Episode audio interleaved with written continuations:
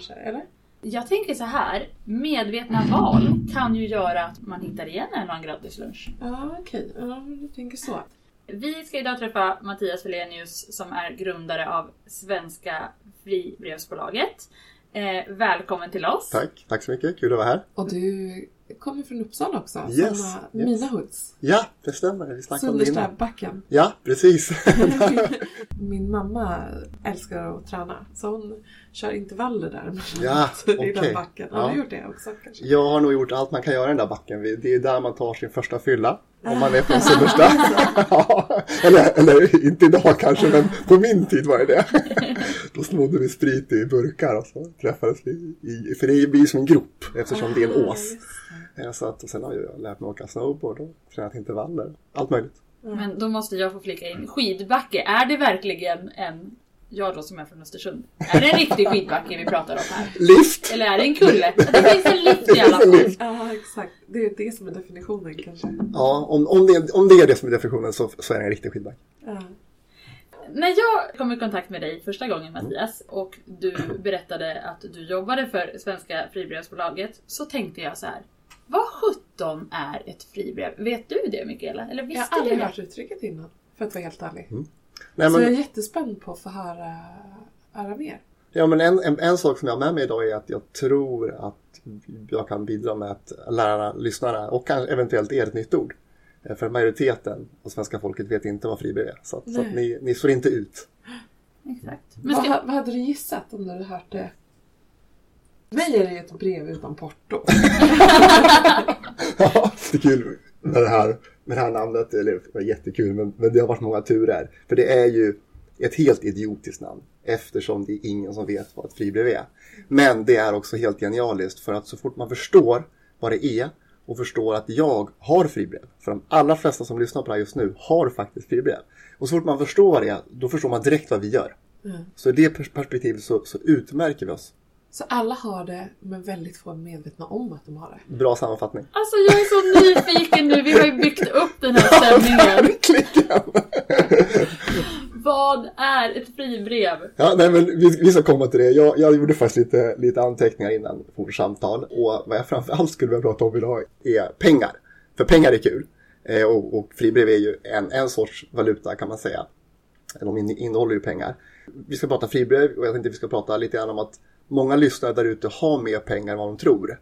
Eh, och det, det är faktiskt, vi har alltså kunder liksom på veckobasis som, som blir så här, wow, är jag, är jag så här rik? Vilket är ganska kul, ganska kul att få igenom. Och den känslan och framförallt idag med höga räntor och inflation och allting och så. Men det Så är det- lite som med ekorrarna som gömmer liksom kottar och sånt överallt. Och sen så hittar de inte tillbaka till alla. Nej, det är en bra jämförelse. Det är exakt så. Så att vi ska prata om och även då gå in och bli konkreta. Hur tar jag reda på var de här pengarna är någonstans? Och hur tar jag kontroll över dem? För det kan man göra nu. För man ändrade lagen i somras. Så nu kan man ta kontroll över de här pengarna. Och så tycker jag också vi ska prata om hur man investerar de här liksom, på ett bra sätt. Jag har jobbat länge i den här branschen. Det är väl 20 år snart tror jag. Så att jag kan en del knep och tricks och jag vet de fula knepen som branschen använder för att tjäna pengar på, så här, på vår bekostnad. Så att jag tänkte vi ska prata lite om hur man undviker de här värsta fällorna. Ja. Men hur kom du på idén? Som jag tror många entreprenörer så är det ju så att man börjar någonstans i branschen. Jag började i finansbranschen och sen så lär man sig den från grunden och sen så ser man oj, vad liksom, varför gör man så här och vad konstigt och något som var väldigt slående för mig och min kollega Niklas som jag startade bolaget med. Det var att vi satt och hade massa rådgivningstimmar med kunder och rekommenderade dem massa produkter. Men vi skulle aldrig själv komma på att köpa de produkterna. Och det är ju lite speciellt faktiskt. Liksom ofta så, så vill man ju så här förespråka en produkt som man också tycker är bra. Men där är finansbranschen väldigt speciell. Nu har det hänt otroligt mycket på 20 år. För att lagstiftarna har sagt så här, men så här kan vi inte ha det. Men det är fortfarande en diskrepans där.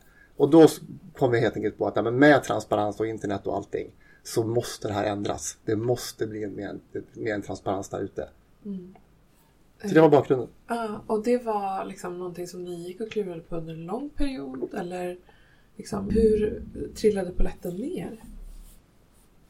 Jag tror att polletten trillade ner genom att vi såg att andra bolag förändrade branscher liksom Netflix, Spotify, internet, allt det här och vi insåg att men, liksom, vi kan ju den här branschen och någon måste förändra den här. Någon kommer förändra den och så kommer helt plötsligt på att men vänta nu, det är ju vi som ska göra det. det är vi, vi är rätt ålder, vi har rätt utbildning, vi har rätt kunskap, vi kan branschen, vi har rätt kontakter. Och ja, då sa vi upp oss och så, så, så startade vi det här bolaget. Men det är också så att när man startar någonting nytt som kanske förändrar en bransch så de där kontakterna kanske inte alltid har ett så stort värde för man, man kanske ifrågasätter det man kommer ifrån. Mm. Du vad jag menar? Mm. Absolut, jag förstår verkligen vad du menar och, och, och vi skulle kunna ha en tre timmars sittning här. ja. Nej, men alltså, vi, vi, alltså jag, har så mycket, jag har så mycket story om den här branschen. Eh, om, om, om, bo, om stora välkända bolag som alla lyssnare känner till. Som aktivt arbetar för att motverka tillkomsten av nya bolag för att hämma konkurrens. Och som vi har blivit utsatta för rakt, rakt upp och ner. Jag kan säga, om jag skulle berätta och nämna namn och varumärken. Eh, jag kan berätta lite sen om vi har tid, vad, vad vi har varit med om. Men om, jag, och då kommer, då kommer jag, om vi kommer dit så kommer jag plocka bort varumärken och namn. Skulle jag inte göra det skulle inte ni kunna sända det här. För ni skulle ha jurister här som skulle säga att det här får ni inte sända. Ah. Ja, du kan säga.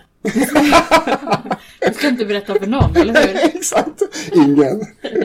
Ja, men det var en lång, nu, nu, nu avvek jag frågan där med fribrev. Vi Ja, hoppade var liksom på spännande. Men vi Ja. måste tillbaka för Ja, vi oss fortfarande inte vad ett fribrev Nej. är. Nej, det vet Nej. vi inte. Nej, men det, det är en avslutad pensionsförsäkring. Så att om vi tar det liksom från början då. Om man jobbar någonstans så får man ju lön in på ett lönekonto. Men de allra flesta arbetsgivarna i Sverige stoppar också in pengar i en pensionsförsäkring. Och så byter man jobb och ska göra något annat. Då tar man ju självklart med sig sitt lönekonto. Men man får inte ta med sig det här pensionskontot. Utan det ligger kvar som en påse pengar. Och det är ett fribrev. Ja. Så att man kan ju själva nu då som lyssnare börja tänka, okej men hur många gånger har jag bytt jobb? Och lika många fribrev har man. Eh, Sen kan man ha lite Men om man går fler för på att, min pension så hittar man inte de här. jo, du hittar förhoppningsvis alla. Så vår tjänst fungerar så att man går in på en hemsida, svenskafribrevsbolag.se, man anmäler sig, kostar ingenting med BankID. Och det första vi gör, det är precis det du tar upp, det är det som min pension gör, alltså en lista. Vilka fribrev har jag? Liksom. Men sen är det stopp. På min pension, okej, nu har jag de här. Vad ska du göra nu? Vad vi lägger på det är analysen som visar vilka av de här är bra och vilka är dåliga. Vilka är dyra, vilka är billiga. Vilka kan du förändra och vilka kan du slå ihop. Och att kunna slå ihop och förändra de här och flytta dem, det har varit möjligt eh, de sista åren eh, eh, eftersom man ändrat lagen. Mm. Kan man, kan man se några skillnad i typ antalet fribrev mellan män och kvinnor och mängden pengar det rör sig om? Eller har, ni, har ni någon statistik? på något Ja, det har jag absolut. Jag har med mig lite statistik. Ska vi kolla på den? Ja, gärna. Och, och det är lite, det är lite bakgrunden till att vi sitter här ju. Så här ser det ut i våran kundbas, alltså våra kunder. Då är 36% kvinnor och 64% är män. Det är de som är kunder. Och snittkapitalet då för kvinnorna är 650 000 och det är 775 för männen. Mm. Eh, och det här är siffror som, ja men det är ju ingen Och vad jättedel. innebär det då? Det är att de har hittat eh, fribrev via er Mm. som de ytterligare har kan tillgodogöra sig. Ja precis, Eh, vi hoppar exakt, vi kanske vi hoppade förbi ett steg där. Ja. Alltså vad, vad, vad, vad vår tjänst går ut på det är att, att man ändrar lagen men lagstiftaren kan ju bara ändra, ändra spelplanen. Du måste ju själv som som medborgare agera på den spelplanen. Och då blir det så fort du förstår, okay, men jag har fribrev, vad kan jag då göra? Och det är där vi kommer in, kommer in i, i, i matchen. Återigen, du går bara in på en hemsida, använder BankID och så får du analysen. Vårt uppdrag sen det är ju att visa om vi kan förbättra de här fribreven. Oftast så kan vi förbättra några och då har vi en väldigt hög konverteringsgrad. För att om vi säger att vi kan sänka dina avgifter och höja din avkastning så vill de flesta ja, absolut gå Det ahead. låter- ja. Exakt. Och också slå ihop det. I snitt blir det åtta stycken sådana här fribrev om man går igenom arbetslivet. Och det blir väldigt krångligt att ha åtta stycken. Så att, att bara slå ihop dem är också ett stort värde. Men hur många arbetsplatser har du haft? Jag tänker bara... Åh herregud! Jag har jobbat i Norge. Jag har jobbat i England. Jag har säkert en tio, tio stycken redan. Mm. Ja. Och då är ni ganska unga. ja. Ja, det är vi. Men så extrajobb liksom. Ja. När man pluggade gymnasiet och sen... Vi var ju bägge sådana. Vi jobbade under alla, all studietid egentligen. Ja. Jobbat väldigt, haft flera jobb och sådär. Och de där små ströjobben är det intressanta för ibland kan man fått väldigt lite avsättning. Eh, och vad som händer då det är att, att avgiften äter upp alltihopa och sen får man ett brev hem. Där det står att nu Nu är pengarna slut! De är slut! Det är så förbaskat roligt! Gud vad intressant. Då är det lite bättre att slå ihop dem så att det blir en påse pengar. Och det var det jag pratade om inledningsvis. Visst, man kan gå in på min pension, man får den här listan, men det, det blir utspritt. Vad vi gör är ju att vi samlar ihop de här och slår ihop dem. Och då blir det plötsligt en påse pengar. Och det är då våra kunder får den här effekten. Oh wow! Har jag så här mycket pengar? Liksom, wow, det här är ju flera miljoner. Liksom.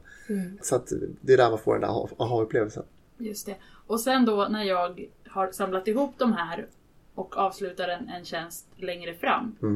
Yes! Trillar den ner i samma godispåse? Då kan du fylla på dem. Och det har lagstiftaren öppnat upp för nu. Den lagen kom till 1 januari 2020. Tidigare så var försäkringen tvungen att vara nytecknad. Såna riktiga idiotregler. Men det som lagstiftarna, vad konsumenten vill är precis det du säger. Jag vill ha min påse. Då kan jag fylla på den. Varenda gång jag fyller på den så får jag mer pengar. Då kan jag pressa ner mina avgifter ännu mera och jag får kontroll på det. Varför tror du gemene man inte har koll på det här? Därför att systemet är i princip konstruerat för att du inte ska förstå. För att om du inte förstår så kan du inte ifrågasätta de avgifterna som dras. För det är enormt stora skillnader och det är bakgrunden till att man ändrar lagen. Men ska vi hoppa tillbaka till, till, de, här, till de här siffrorna? Vi halkade snett. verkligen. Okej, så vi tar dem igen då. Så tjejer har lite lägre, liksom, de, de eh, har identifierat sina fribrev i lite lägre utsträckning. Ex, exakt, det är precis det, den siffran som jag inte nämnde. Det som är intressant. Av de som har anmält sig på vår tjänst så är det, är det bara 29% kvinnor och 71% män. Och det var, det var när jag såg den siffran som jag, som jag, jag och min marknadschef sa, men det här, det här kan vi påverka. Alltså vi kan, kvinnor har lägre eh, pensionspengar än, än, vad, än vad män har. Så är det. Och det kan vi på- påverka på lång sikt. Men inte för dagen. I alla, alla fall inte idag. Men vad vi kan påverka idag, det är att det ska vara 50-50. Som, Engagemanget. ja, som anmäler sig på vår tjänst. Och det, det är bakgrunden till att jag tog kontakt med. Och det här är Och liksom också att första man, steget. Att man får sänka kostnaderna så att man får bättre avkastning Exakt, exakt. Och då kan vi långsiktigt också påverka så att vi får en 50-50 fördelning på kapitalet. Så att, så att återigen, liksom, om, om det här, ni som lyssnar så, så hjälp oss nå det här målet. Det, det, är, det kostar ingenting, det tar 30 sekunder att gå in på svenskafribrevsbolaget.se och anmäla sig. Och sen vad man gör den analysen vi plockar fram, det är ju helt upp till dig. Och det värsta som kan hända, det är ju att analysen visar att man har betalt massa onödiga avgifter. Och det kanske inte är så kul att få reda på, men då får man i alla fall reda på det och så kan man agera. Men har ni fått någon känsla för hur mycket man, man kan spara egentligen? Ja, det mäter vi hela tiden i, i realtid. Ja, men vår snittkund eh, sparar 130 000 kronor fram till pension. Så det handlar om väldigt stora pengar. Verkligen. Och det, och det var, om vi ska ta lite mer bakgrunden, så innan 2007 så fick man inte flytta sådana här försäkringar överhuvudtaget. Och om man tänker lite grann på det, så är, hur galet det är. Det, det var så ett livstidsavtal. Det gick inte att påverka. Försäkringsbolagen kunde ta exakt vilka avgifter de ville, kunde göra precis vad de ville. Ingen chans att påverka. Och jämför då, säg att det skulle vara så i någon annan del av samhället, ta till exempel telekombolagen då, Tele2 eller någonting. Nu får ju de teckna avtal på max 24 månader enligt lagen. Men säg att de skulle få teckna på livstid. Jag menar, liksom, tänk dig de kampanjerna, det skulle i princip vara så här, grattis du fyller 18 år. Liksom, teckna upp ett mobiltelefonabonnemang kanske får du en bil. Liksom. Det skulle ju vara lite på den nivån. Eftersom you're stuck for life. Och så var det. Så det var ju helt galenskap. Och sen började Finansinspektionen då som övervakar de här försäkringsbolagen gräva i det här. Och så såg man att skillnaderna i avgiftsuttagen var jättestora. Så det kunde skilja liksom flera hundratusen kronor i, i slutpension då, mellan olika bolag. Och då så sa man att nej, men, det här är liksom inte förenat med gott konsumentskydd och konkurrens. Och då ändrade man lagen 2007 och sa att nu, nu införs då det som kallas för flytträtt. Men det var inte så genomtänkt den här lagen. För att vad försäkringsbolagen gjorde, det var att de sa så här, ja, ja, ja absolut. Vi, det är första januari 2008, vi har flytträtt. Men det kostar 5% att flytta. Och sen så var den helt satt ur spel. Ja, För det var då- alldeles för dyrt. ju. Det var alldeles för dyrt. Ja. Har du då en miljon så kostar det 50 000 kronor. Eh, och sen så, saker går väldigt långsamt i den här branschen. Men åren rullade på och så tog politikerna upp den här bollen igen och sa att okej, nu kommer vi liksom gå in och lagstifta på liksom, liksom sandlådenivå. Vi kommer bestämma att ni max får ta ut 600 kronor för flytt. Vi kommer bestämma att man kan slå ihop de här hur man vill. Ja, så helt bara som rensat alla de här hindren. Och det säger ju så mycket också om vad, att man behöver lagstiftning. Mm. För att eh, annars så försöker man hitta sätt att tjäna pengar på oss vanliga hederliga arbetare. Mm. Yes, yes. Absolut, Eh, så är Men, det. så att flytten nu kostar inte så mycket de andra ord. 600 kronor om man har en fond eller depåförsäkring. Per eh, flytt liksom. Ja, ja, ja, precis. Eller per försäkring liksom. Ja. Ja. Så att säg att så har då, säg att du har 10 fribrev. Så vanligtvis så brukar ungefär hälften av dem där vara ganska bra. Eh, och återigen, där, det är ju vårt, det är ju vårt, vårt go-to-market är ju ganska aggressivt. För vi tar ju på oss bevisbördan att visa för det att vi kan förbättra. Vilket innebär att vi säger ju nej till väldigt många kunder. Eh, och de andra försäkringsbolagen, de stora drakarna, de kan ju inte göra det här för att de kan inte förbättra. Nej. Vi har mycket lägre avgifter och mycket mer modern organisation med modern teknikplattform och så vidare. Så vi kan sänka de här avgifterna. Men fem stycken går ofta att, att då förbättra och då, då, då slår vi ihop dem. Då blir det ju då fem stycken som kan, kanske kan slås upp till en. Men det blir då fortfarande fem försäkringar som flyttas. Så du får ju fortfarande betala 600 kronor då. Mm. Maximalt ska man säga. Mm. Eh, Lagen säger maximalt 600. Ah, Eller okej. den säger maximalt eh, en procentsats Ser du en konkurrensutsättning där? Eller ligger alla på liksom max? Eh, nej, nej, nej, det är väldigt många som, som ja vi har ju noll till exempel. Eh, för att jag menar, om man inte vill ha kunder så, så är det bara att flytta därifrån. Det är som det ska funka. Eh, och det är ganska många andra som också tar, inte tar några avgifter alls. Men hur går själva flytten då tillväga? Så om, om jag, precis som många av våra lyssnare nu, kommer vara supertaggade på Mm. att flytta och använda den här tjänsten, hur gör man då? Nej, men all, allting börjar ju med att man gör den här analysen. Och den kostar ingenting. Och hela svenska folket får göra det. Eftersom det tar 30 sekunder och är gratis. Men om vi då kan visa att det finns några förbättringar att göra då. Då behöver vi såklart ett, ett, ett godkännande och det är ju BankID igen då. Att men jag vill gå vidare i den här processen. Och hos oss då så fungerar det så att vi hjälper till med allting. Så vi sköter om hela processen. Vi kontaktar gamla arbetsgivare. För gamla arbetsgivare behöver fortfarande godkänna att man eh, slår ihop och flyttar de här. Just det. Ja, har Så. du varit med om att, att det inte går av någon anledning? Eller Det finns säger- de Det som kan ju säger nej. ett företag som har gått i konkurs. Yes, Vad händer då? då får vi jaga konkursförvaltaren. Så vi har en, en tjej som heter Emelie som är jätteduktig och, och eh, är vass på de här sakerna. Och sen så för vi ju såklart en databas över vilka arbetsgivare agerar på vilka sätt och vilka man ska kontakta. Så vi får en effektivitet i det. Spännande.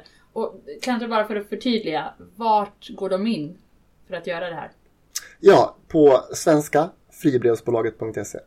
Och som jag sa inledningsvis, om man, så fort man förstår vad ett fribrev är så förstår man, ah, nu fattar jag vad de där gör. Det var inte ett brev på posten. Men det var nog det. Nu trodde du skulle komma, komma undan utan frimärke här, men det, det hade inte med det att göra. Franké, eller så porto betalt.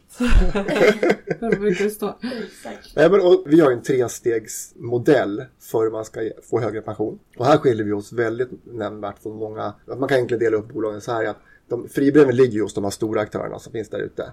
Eh, och sen så finns det lite, lite andra märken, lite nätmäklarna jag känner tycker många lyssnare till. Eh, som är liksom fantastiska på det sättet att de har varit duktiga på att pressa pris. Precis som vi är. Vi, prismässigt så ligger vi ungefär lika som de här nätmäklarna. Men nätmäklarna är ju mer som ICA Maxi.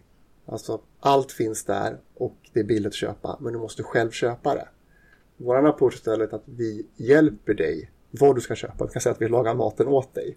Alltså det är en helt, det är en helt, annan, en helt annan approach. Och för att göra det här då så har vi byggt upp tre steg då, som vi kallar för tre steg till högre pension. Det första är att man använder sig av analysen.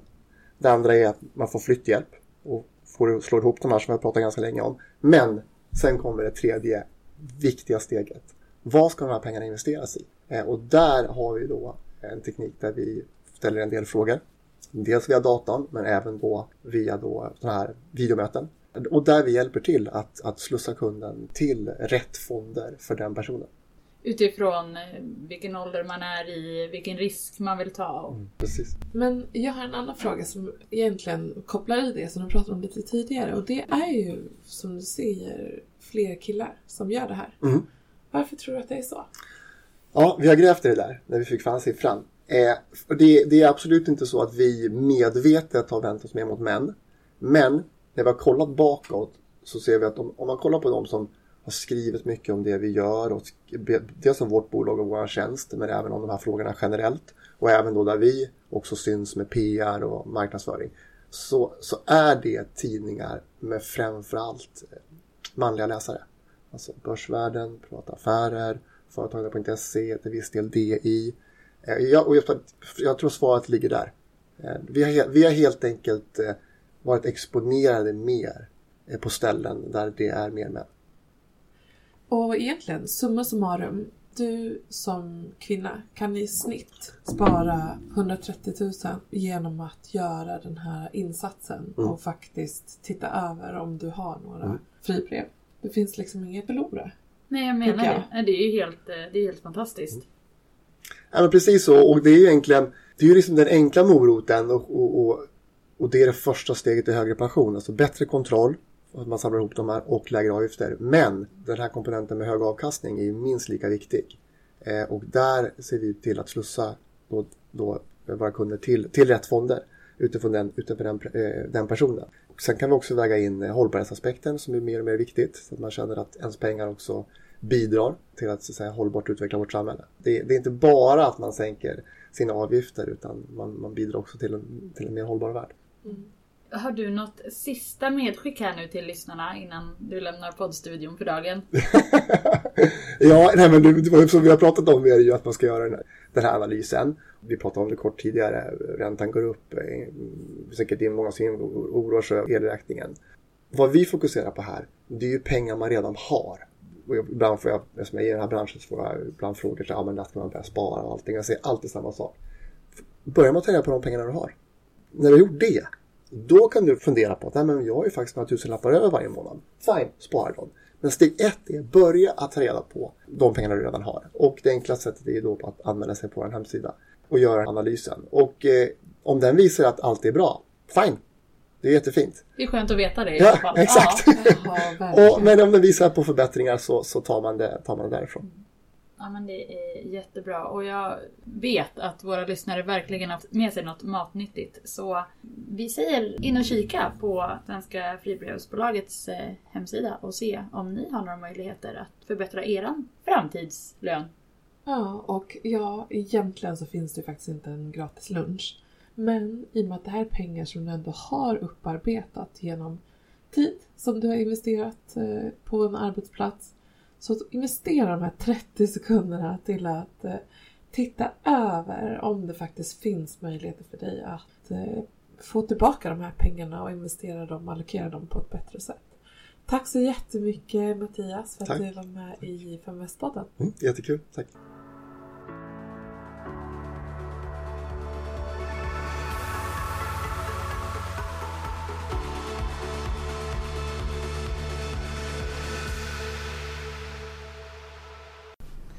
Hej hej! Elin här igen. Här kommer jag med ett litet julklappstips. Elite har öppnat ett italienskt signaturhotell som heter Ad Astra by Elite. Det ligger så mysigt till vid vattnet i Södertälje. Här hittar ni bland annat flera restauranger, ett mysigt spa och många andra aktiviteter. Och det är den perfekta platsen för dig och din partner, dina vänner eller familj att ladda batterierna på i en lyxig miljö. När ni loggar in på www.elit.se och söker upp Adastra by Elite så får alla lyssnare av Feminvest-podden 20% rabatt på paketbokningar med koden FEMINVEST2023. Ta hand om er!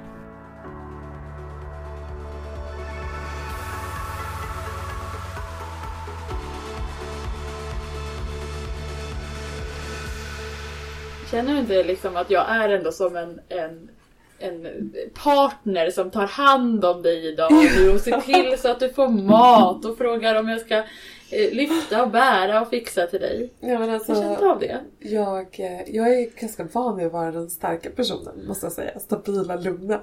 Men så här i slutskedet när det, jag är på väg att plussa, som vi sa precis, att få ett, en till bebis så märker man ju att hormonerna, de är ju all over the place. Ja. Så är det ju. Mm. Ja men precis.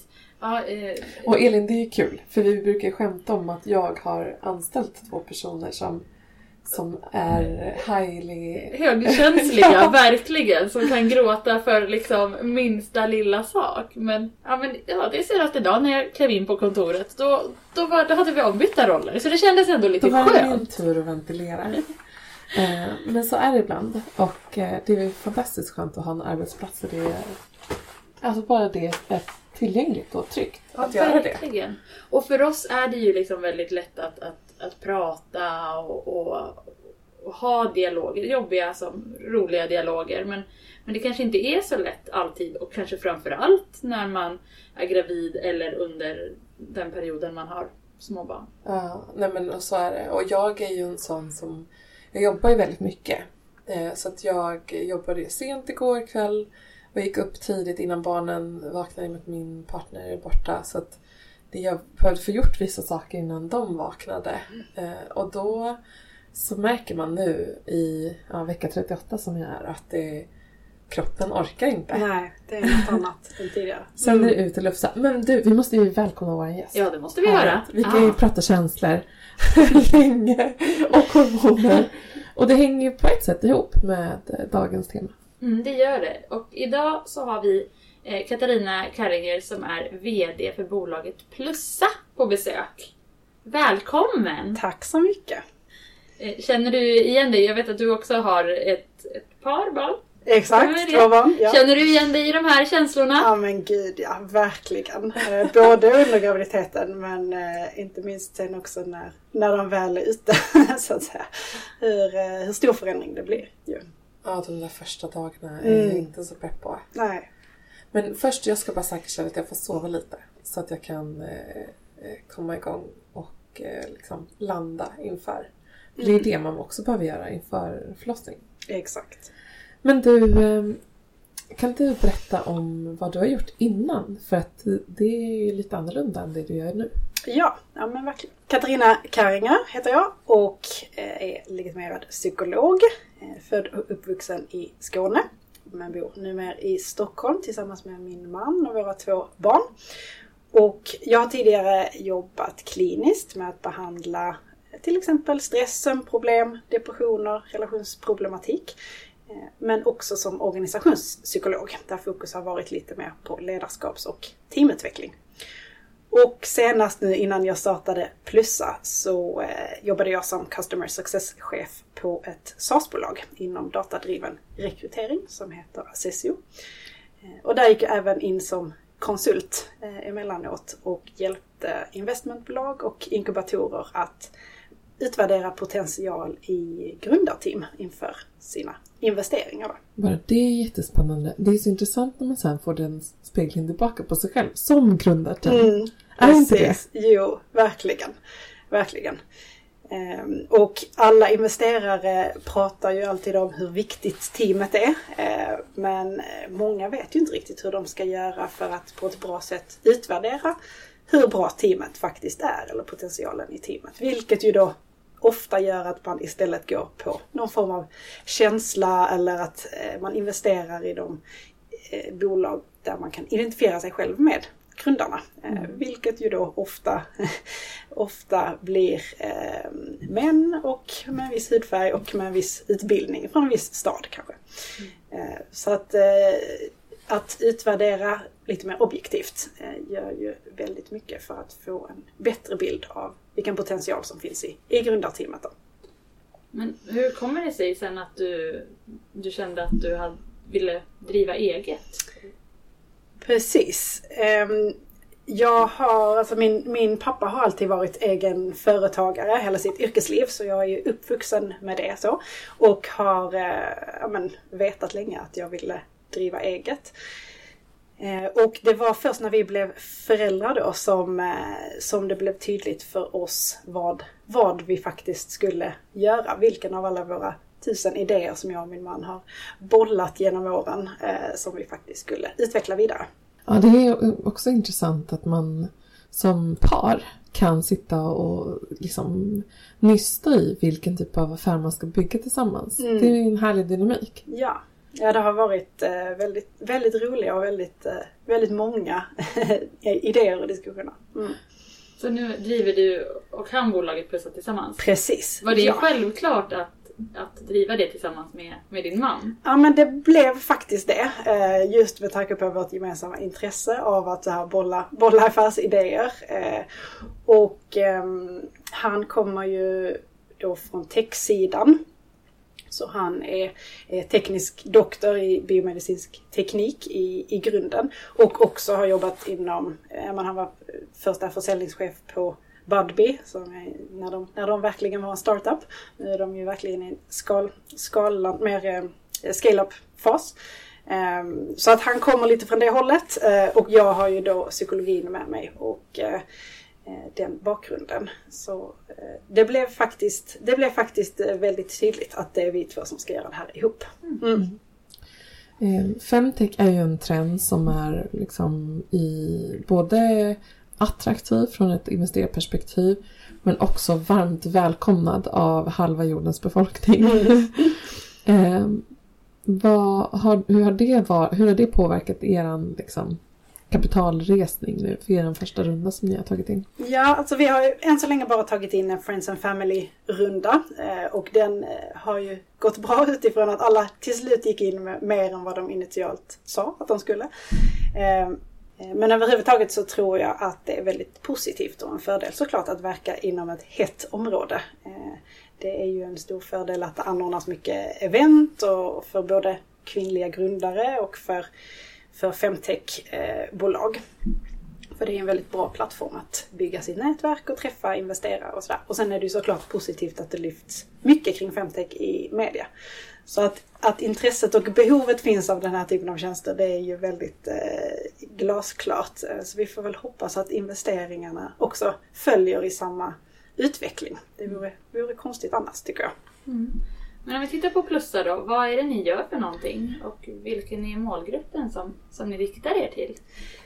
Precis, Plussa är ju en app för föräldrars mentala välmående och den innehåller tre huvudsakliga tjänster. Eh, den första är då KBT-övningar, alltså kognitiv beteendeterapiövningar och mentala verktyg eh, som man kan utföra individuellt eller tillsammans med sin partner. Och det kan vara till exempel att förbättra sin sömn, stress, eh, kommunikation eller sin work-life balance.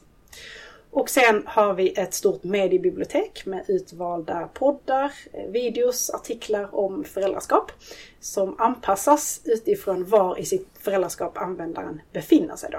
Så att en gravid kvinna i trimester 3 eh, får annat innehåll då än en pappa som har en 14-åring och en 8-åring. Vilka avslappningsövningar. Precis.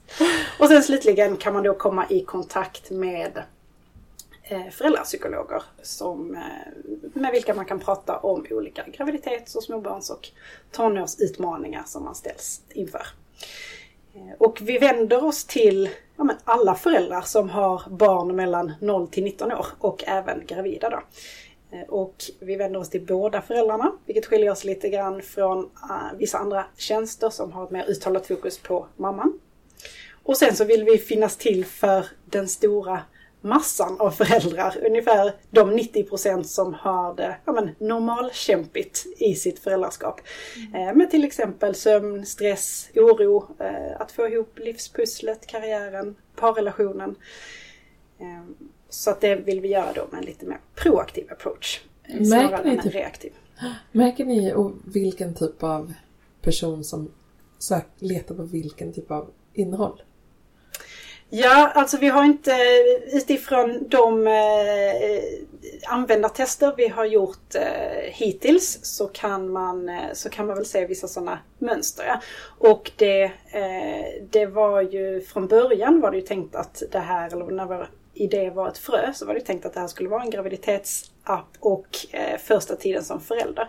Men sen eh, fick vi så mycket feedback tillbaka från föräldrar med äldre barn som sa Åh gud, det här skulle jag behöva för min 14-åring som inte pratar med mig. Eller jag vet inte hur jag ska eh, prata med ekon- om ekonomi med min 16-åring. Vi har, det är liksom helt olika världar gällande det. Eller, ja. Har min 8-åring en diagnos eller inte? Och så vidare. Så att det finns ju, fanns väldigt många frågor som eh, finns ju i föräldraskapet i hela, ända upp till barnen blir vuxna egentligen. Eh, olika typer av frågor såklart.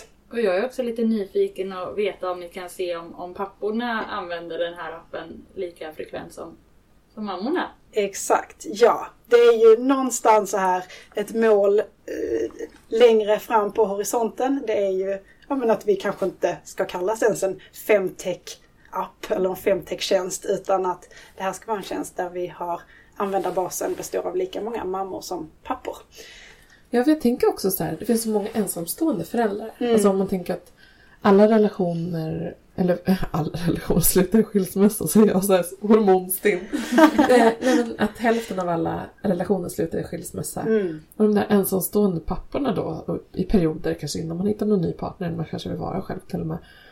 Eh, att faktiskt ha någonstans att så här, prata med Ja, någon om de problem och utmaningar man går igenom. ja men verkligen. Ja. Jag tycker det är jättesmart idé, speciellt att ni tänker lite bredare. Det gillar Ja. jag. jag. Precis, och pappor tar ju ut mer och mer föräldraledighet, vilket vi ser och det är ju jättepositivt. Men tjänsterna har inte riktigt eh, följt den utvecklingen. Eh, så fortfarande MVC och BVC är till exempel mest inriktat mot mamman. Och papp- det finns inte så mycket stöd för pappor egentligen. Vilket ju såklart också påverkar jämställdheten i relationen och eh, kan gå ut över också mamman. Mm. Det är också liksom intressant, för jag tänker ändå att ni till en början var femtech-bolag. Eh, hur liksom fick du med din kille på, på spåret? Ja men han är ju, alltså för det, för det första så är grunden att vi båda är ja, men intresserade av mental hälsa och har ändå ja, men, prioriterat det eh, i våra liv tidigare. Men så blev det så mycket mer utmanande när vi fick barn och det blev det ju inte bara för mig såklart utan även för honom. Alltså tiden och energin som blev betydligt mer begränsad. Eh, det gällde ju oss båda.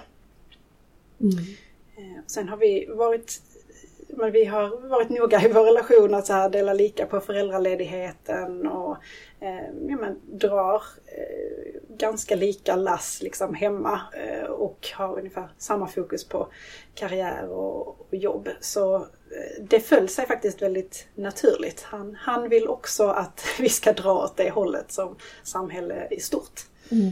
Nej, jag tycker det är jättebra och intressant. Eh, för det är inte så ofta man ser manliga co-founders till eh, femtech-bolag. Precis. Och det behövs ju också. Verkligen. Mm. Ja. Har du lust att berätta lite grann kring eh, affärsmodellen? Mm. Eh, så vi utvecklar appen just nu och planerar att lansera den i början på året här, 2023. Eh, så att vårt fokus kommande månader efter det kommer i första hand vara på att hitta rätt product market fit. Eh, och därför kommer vi eh, prova på lite olika affärsmodeller faktiskt inledningsvis. Men vårt mål är ju att övningarna och innehållet i mediebiblioteket ska vara gratis att använda för användarna. Och därför finansieras genom samarbeten och partnerskap som vi ser eh, kan ge ett mervärde till användarna och liksom fortsatt hjälpa dem ytterligare i sitt eh, föräldraskap. Och sen så betalar användaren eh, när de vill komma i kontakt med en föräldrapsykolog. Antingen som en one-off-tjänst eller som löpande med abonnemang.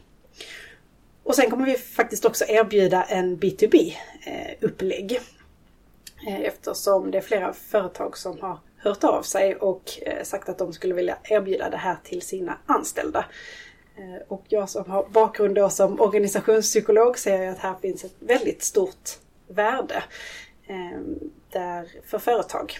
Och man ser också att trenderna går ditåt nu. Det är fler och fler som fokuserar på mental hälsa. Tecken på det är ju bland annat Headspace som har gått ihop med Ginger eh, för att eh, erbjuda mer stöd i mental hälsa och karriär. Och även Spotify är ju ett framgångsföretag i det avseendet som har sin Wellness Week eh, som ju också pekar på hur viktigt det är att ta hand om sina anställdas mentala hälsa. Mm. Är det en utmaning att när man går till vården, alltså fysiska besök, att, att få den här typen av, av hjälp nu?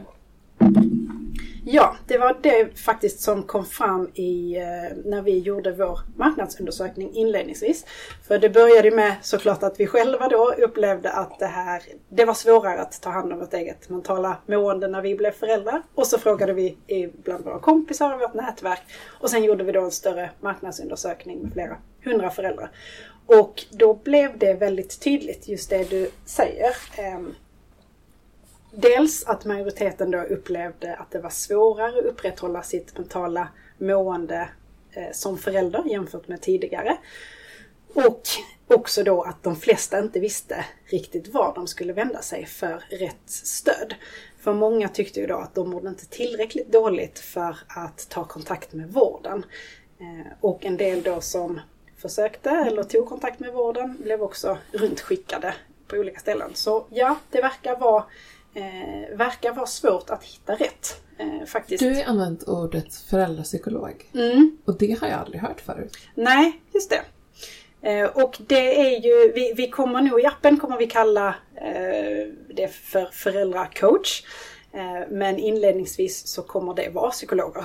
Eh, och sen får vi lyssna på vad användarna tycker och säger och vad datan säger eh, om vilka andra professioner eller kompetenser som vi behöver utöver psykologer. Men till exempel nu då Mikaela, vad har du blivit erbjuden? Eller? Nej men jag har inte blivit erbjuden någonting. Jag blir, man blir ju, som du säger, väldigt påpassad som gravid mamma. Alltså vilket stöd behöver Mm. du i graviditeten? Behöver du... Jag hade en ganska traumatisk första förloss, förlossning. Mm. Så är det någonting som du behöver prata med, träffa någon, prata om? Behöver du liksom extra ultraljud eller för att så här, känna dig trygg genom hela graviditetsprocessen? Men eh, ett, så här, min kille har inte fått nå- någonting. Han existerar ju inte ens i, liksom, i den här tiden. Det heter ju mödravård Mm. till och med. Så, Mm. att, så är det ju. Um, that's not allowed. Ehm, och sen så, så efterhand så utifrån hur det går med förlossning och så, så kan man ju få specifikt stöd. Men efter att man har fött så är det ju bara bebisen det är fokus på egentligen Ja. från ett vårdsynpunkt. Exakt. Eh, och det har ju kommit lite liksom, appar som fokuserar på just eh, liksom att lyfta kvinnors hälsa ändå efter. Mm. För det är ju, kan ju vara liksom, extraordinära händelser och påfrestningar som, som drabbar en. Men eh, mannen hamnar ju väldigt ofta i periferin där. Precis. Ja. Ja. Och det var ju där egentligen vår idé startade. Det var inte så mycket egentligen under graviditeten eller våra egna graviditeter utan det var ju just det här skedet där var så här, allt fokus på mig som gravid och sen så när barnet är ute, inget fokus på mig som gravid utan allt fokus på bebisen. Eh, och att bli förälder är ju för de allra flesta tror jag den största förändring man genomgår i livet. Och det kommer ju med massor med tankar och känslor och sådär. Så att det är ju inte konstigt överhuvudtaget egentligen att man är mycket mer sårbar i den eh, perioden i, i livet. Eh, men tidigare blev man ju bland annat uppfångad lite mer på BB eh, och i eftervården där. Man fick stanna längre än vad man får nu och sådär. Och, Ja, men jag pratade faktiskt med min mamma om det häromdagen. Hon bara, ja vi stannade ju så här sex, sju dagar Mm. på sjukhuset. Men då hade man ju ett rum tillsammans med massa andra kvinnor. Ja. Så man låg liksom, ja men många i samma rum mm. med bebisen. Och det mest fantastiska var ju, om man får uttrycka sig så, men eh, det var ju att man så här, lämnade iväg bebisarna till ett gemensamt rum när man inte Just det. ammade och Ja. eh, så, så att man själv skulle få sova. Och det känns ju som så här, där, där är dagens föräldrar väldigt långt ifrån att Ja. ha den möjligheten och det stödet. Ja. Trots Men kostnaden vara... är väl ungefär detsamma tänker jag. Att men nu får man Mm. ett privatrum. Eh, så. Ja, Men, eh, Men inte stanna lika länge. Nej, exakt. Eh, Men jag har hört om andra som har bondat med mammor bredvid sig Mm. som liksom föddes samma natt och så. Så Mm. det, är, det är lite kul. ja. Jag har faktiskt en, en kompis från, från när jag föddes som är en, idag är liksom nära, nära vänner till familjen. Okej, Vi vad kul. föddes eh, samma, samma dag sådär. Ja. Eh, Det är ganska fint och så man håller den liksom, relationen. Mm. I- verkligen. Det har ju gått några år liksom. Jag vet till också att min, eh, min partner då, Magnus, han föddes och då låg hans mamma, så hon har berättat att hon låg bredvid eh, Berghagens eh, fru som födde någon av barnen nu, jag har inte koll på. Så att han kom in och han var ju så här, när alla kvinnorna i rummet där var oh! Han var liksom lite av en casanova på den tiden. Ja. Ja, just klart. Ja, det är väl fortfarande säkert. Ha, kul och spännande. Lycka till. Har ni några mer, liksom, mer långsiktiga planer utöver de du har delat? Ehm, ja, men nu... ehm, efter lansering så kommer ju fokus som sagt att vara på att hitta rätt på marknaden helt enkelt. Och att skapa en tjänst som användarna älskar. Det är verkligen prio nummer ett. Eh, och mot slutet av nästa år sen eh, så ser vi att vi tar in en lite större såddrunda för att täcka hela målgruppen med bra content och investera ytterligare då i marknadsföring. Eh, och sen när vi har en välmående affär i Sverige så vill vi gå utomlands och siktet inställt i första hand på engelsktalande marknader i Europa, Nordamerika, Sydostasien och Oceanien. Eh, och då öppnar Bra sig... med en global Ja. Verkligen, och tänka Precis, stort. Ja, och då öppnar sig upp ja, men en målgrupp med 400 miljoner engelsktalande föräldrar. Eh, Så bara genom att översätta appen till, till engelska så eh, kan det vara fröet till något större då.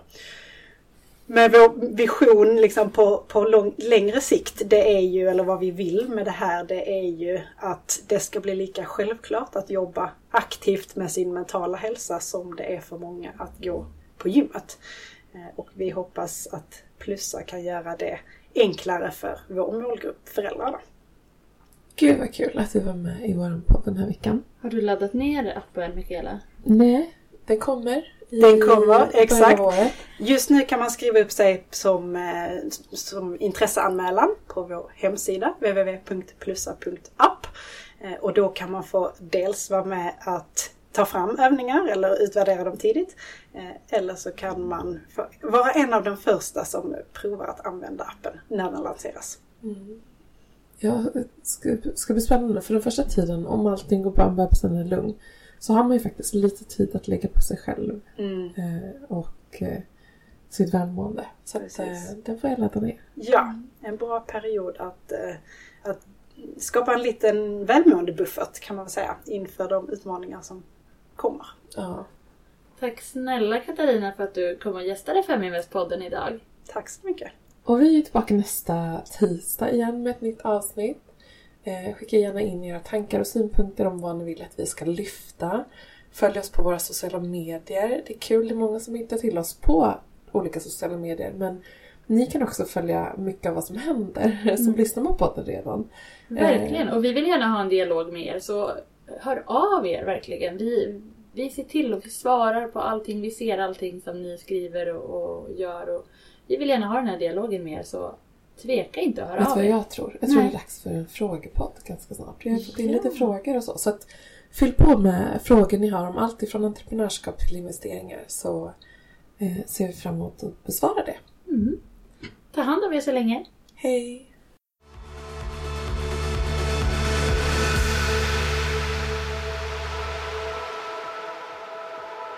Feminvest är Sveriges största investeringsnätverk för tjejer. Vi vill att allt fler ska våga äga och förvalta. Och hur gör vi då detta? Jo, vi vill inspirera, utbilda och utmana runt ägande, investeringar och entreprenörskap. Följ Feminvest på våra kanaler Facebook, Instagram, Youtube. Varje vecka så kommer vi även ut med en podd och du kan ju självklart även följa nyheterna som publiceras på feminvest.nu. Det är bara att söka på Feminvest på samtliga kanaler så hittar du till oss.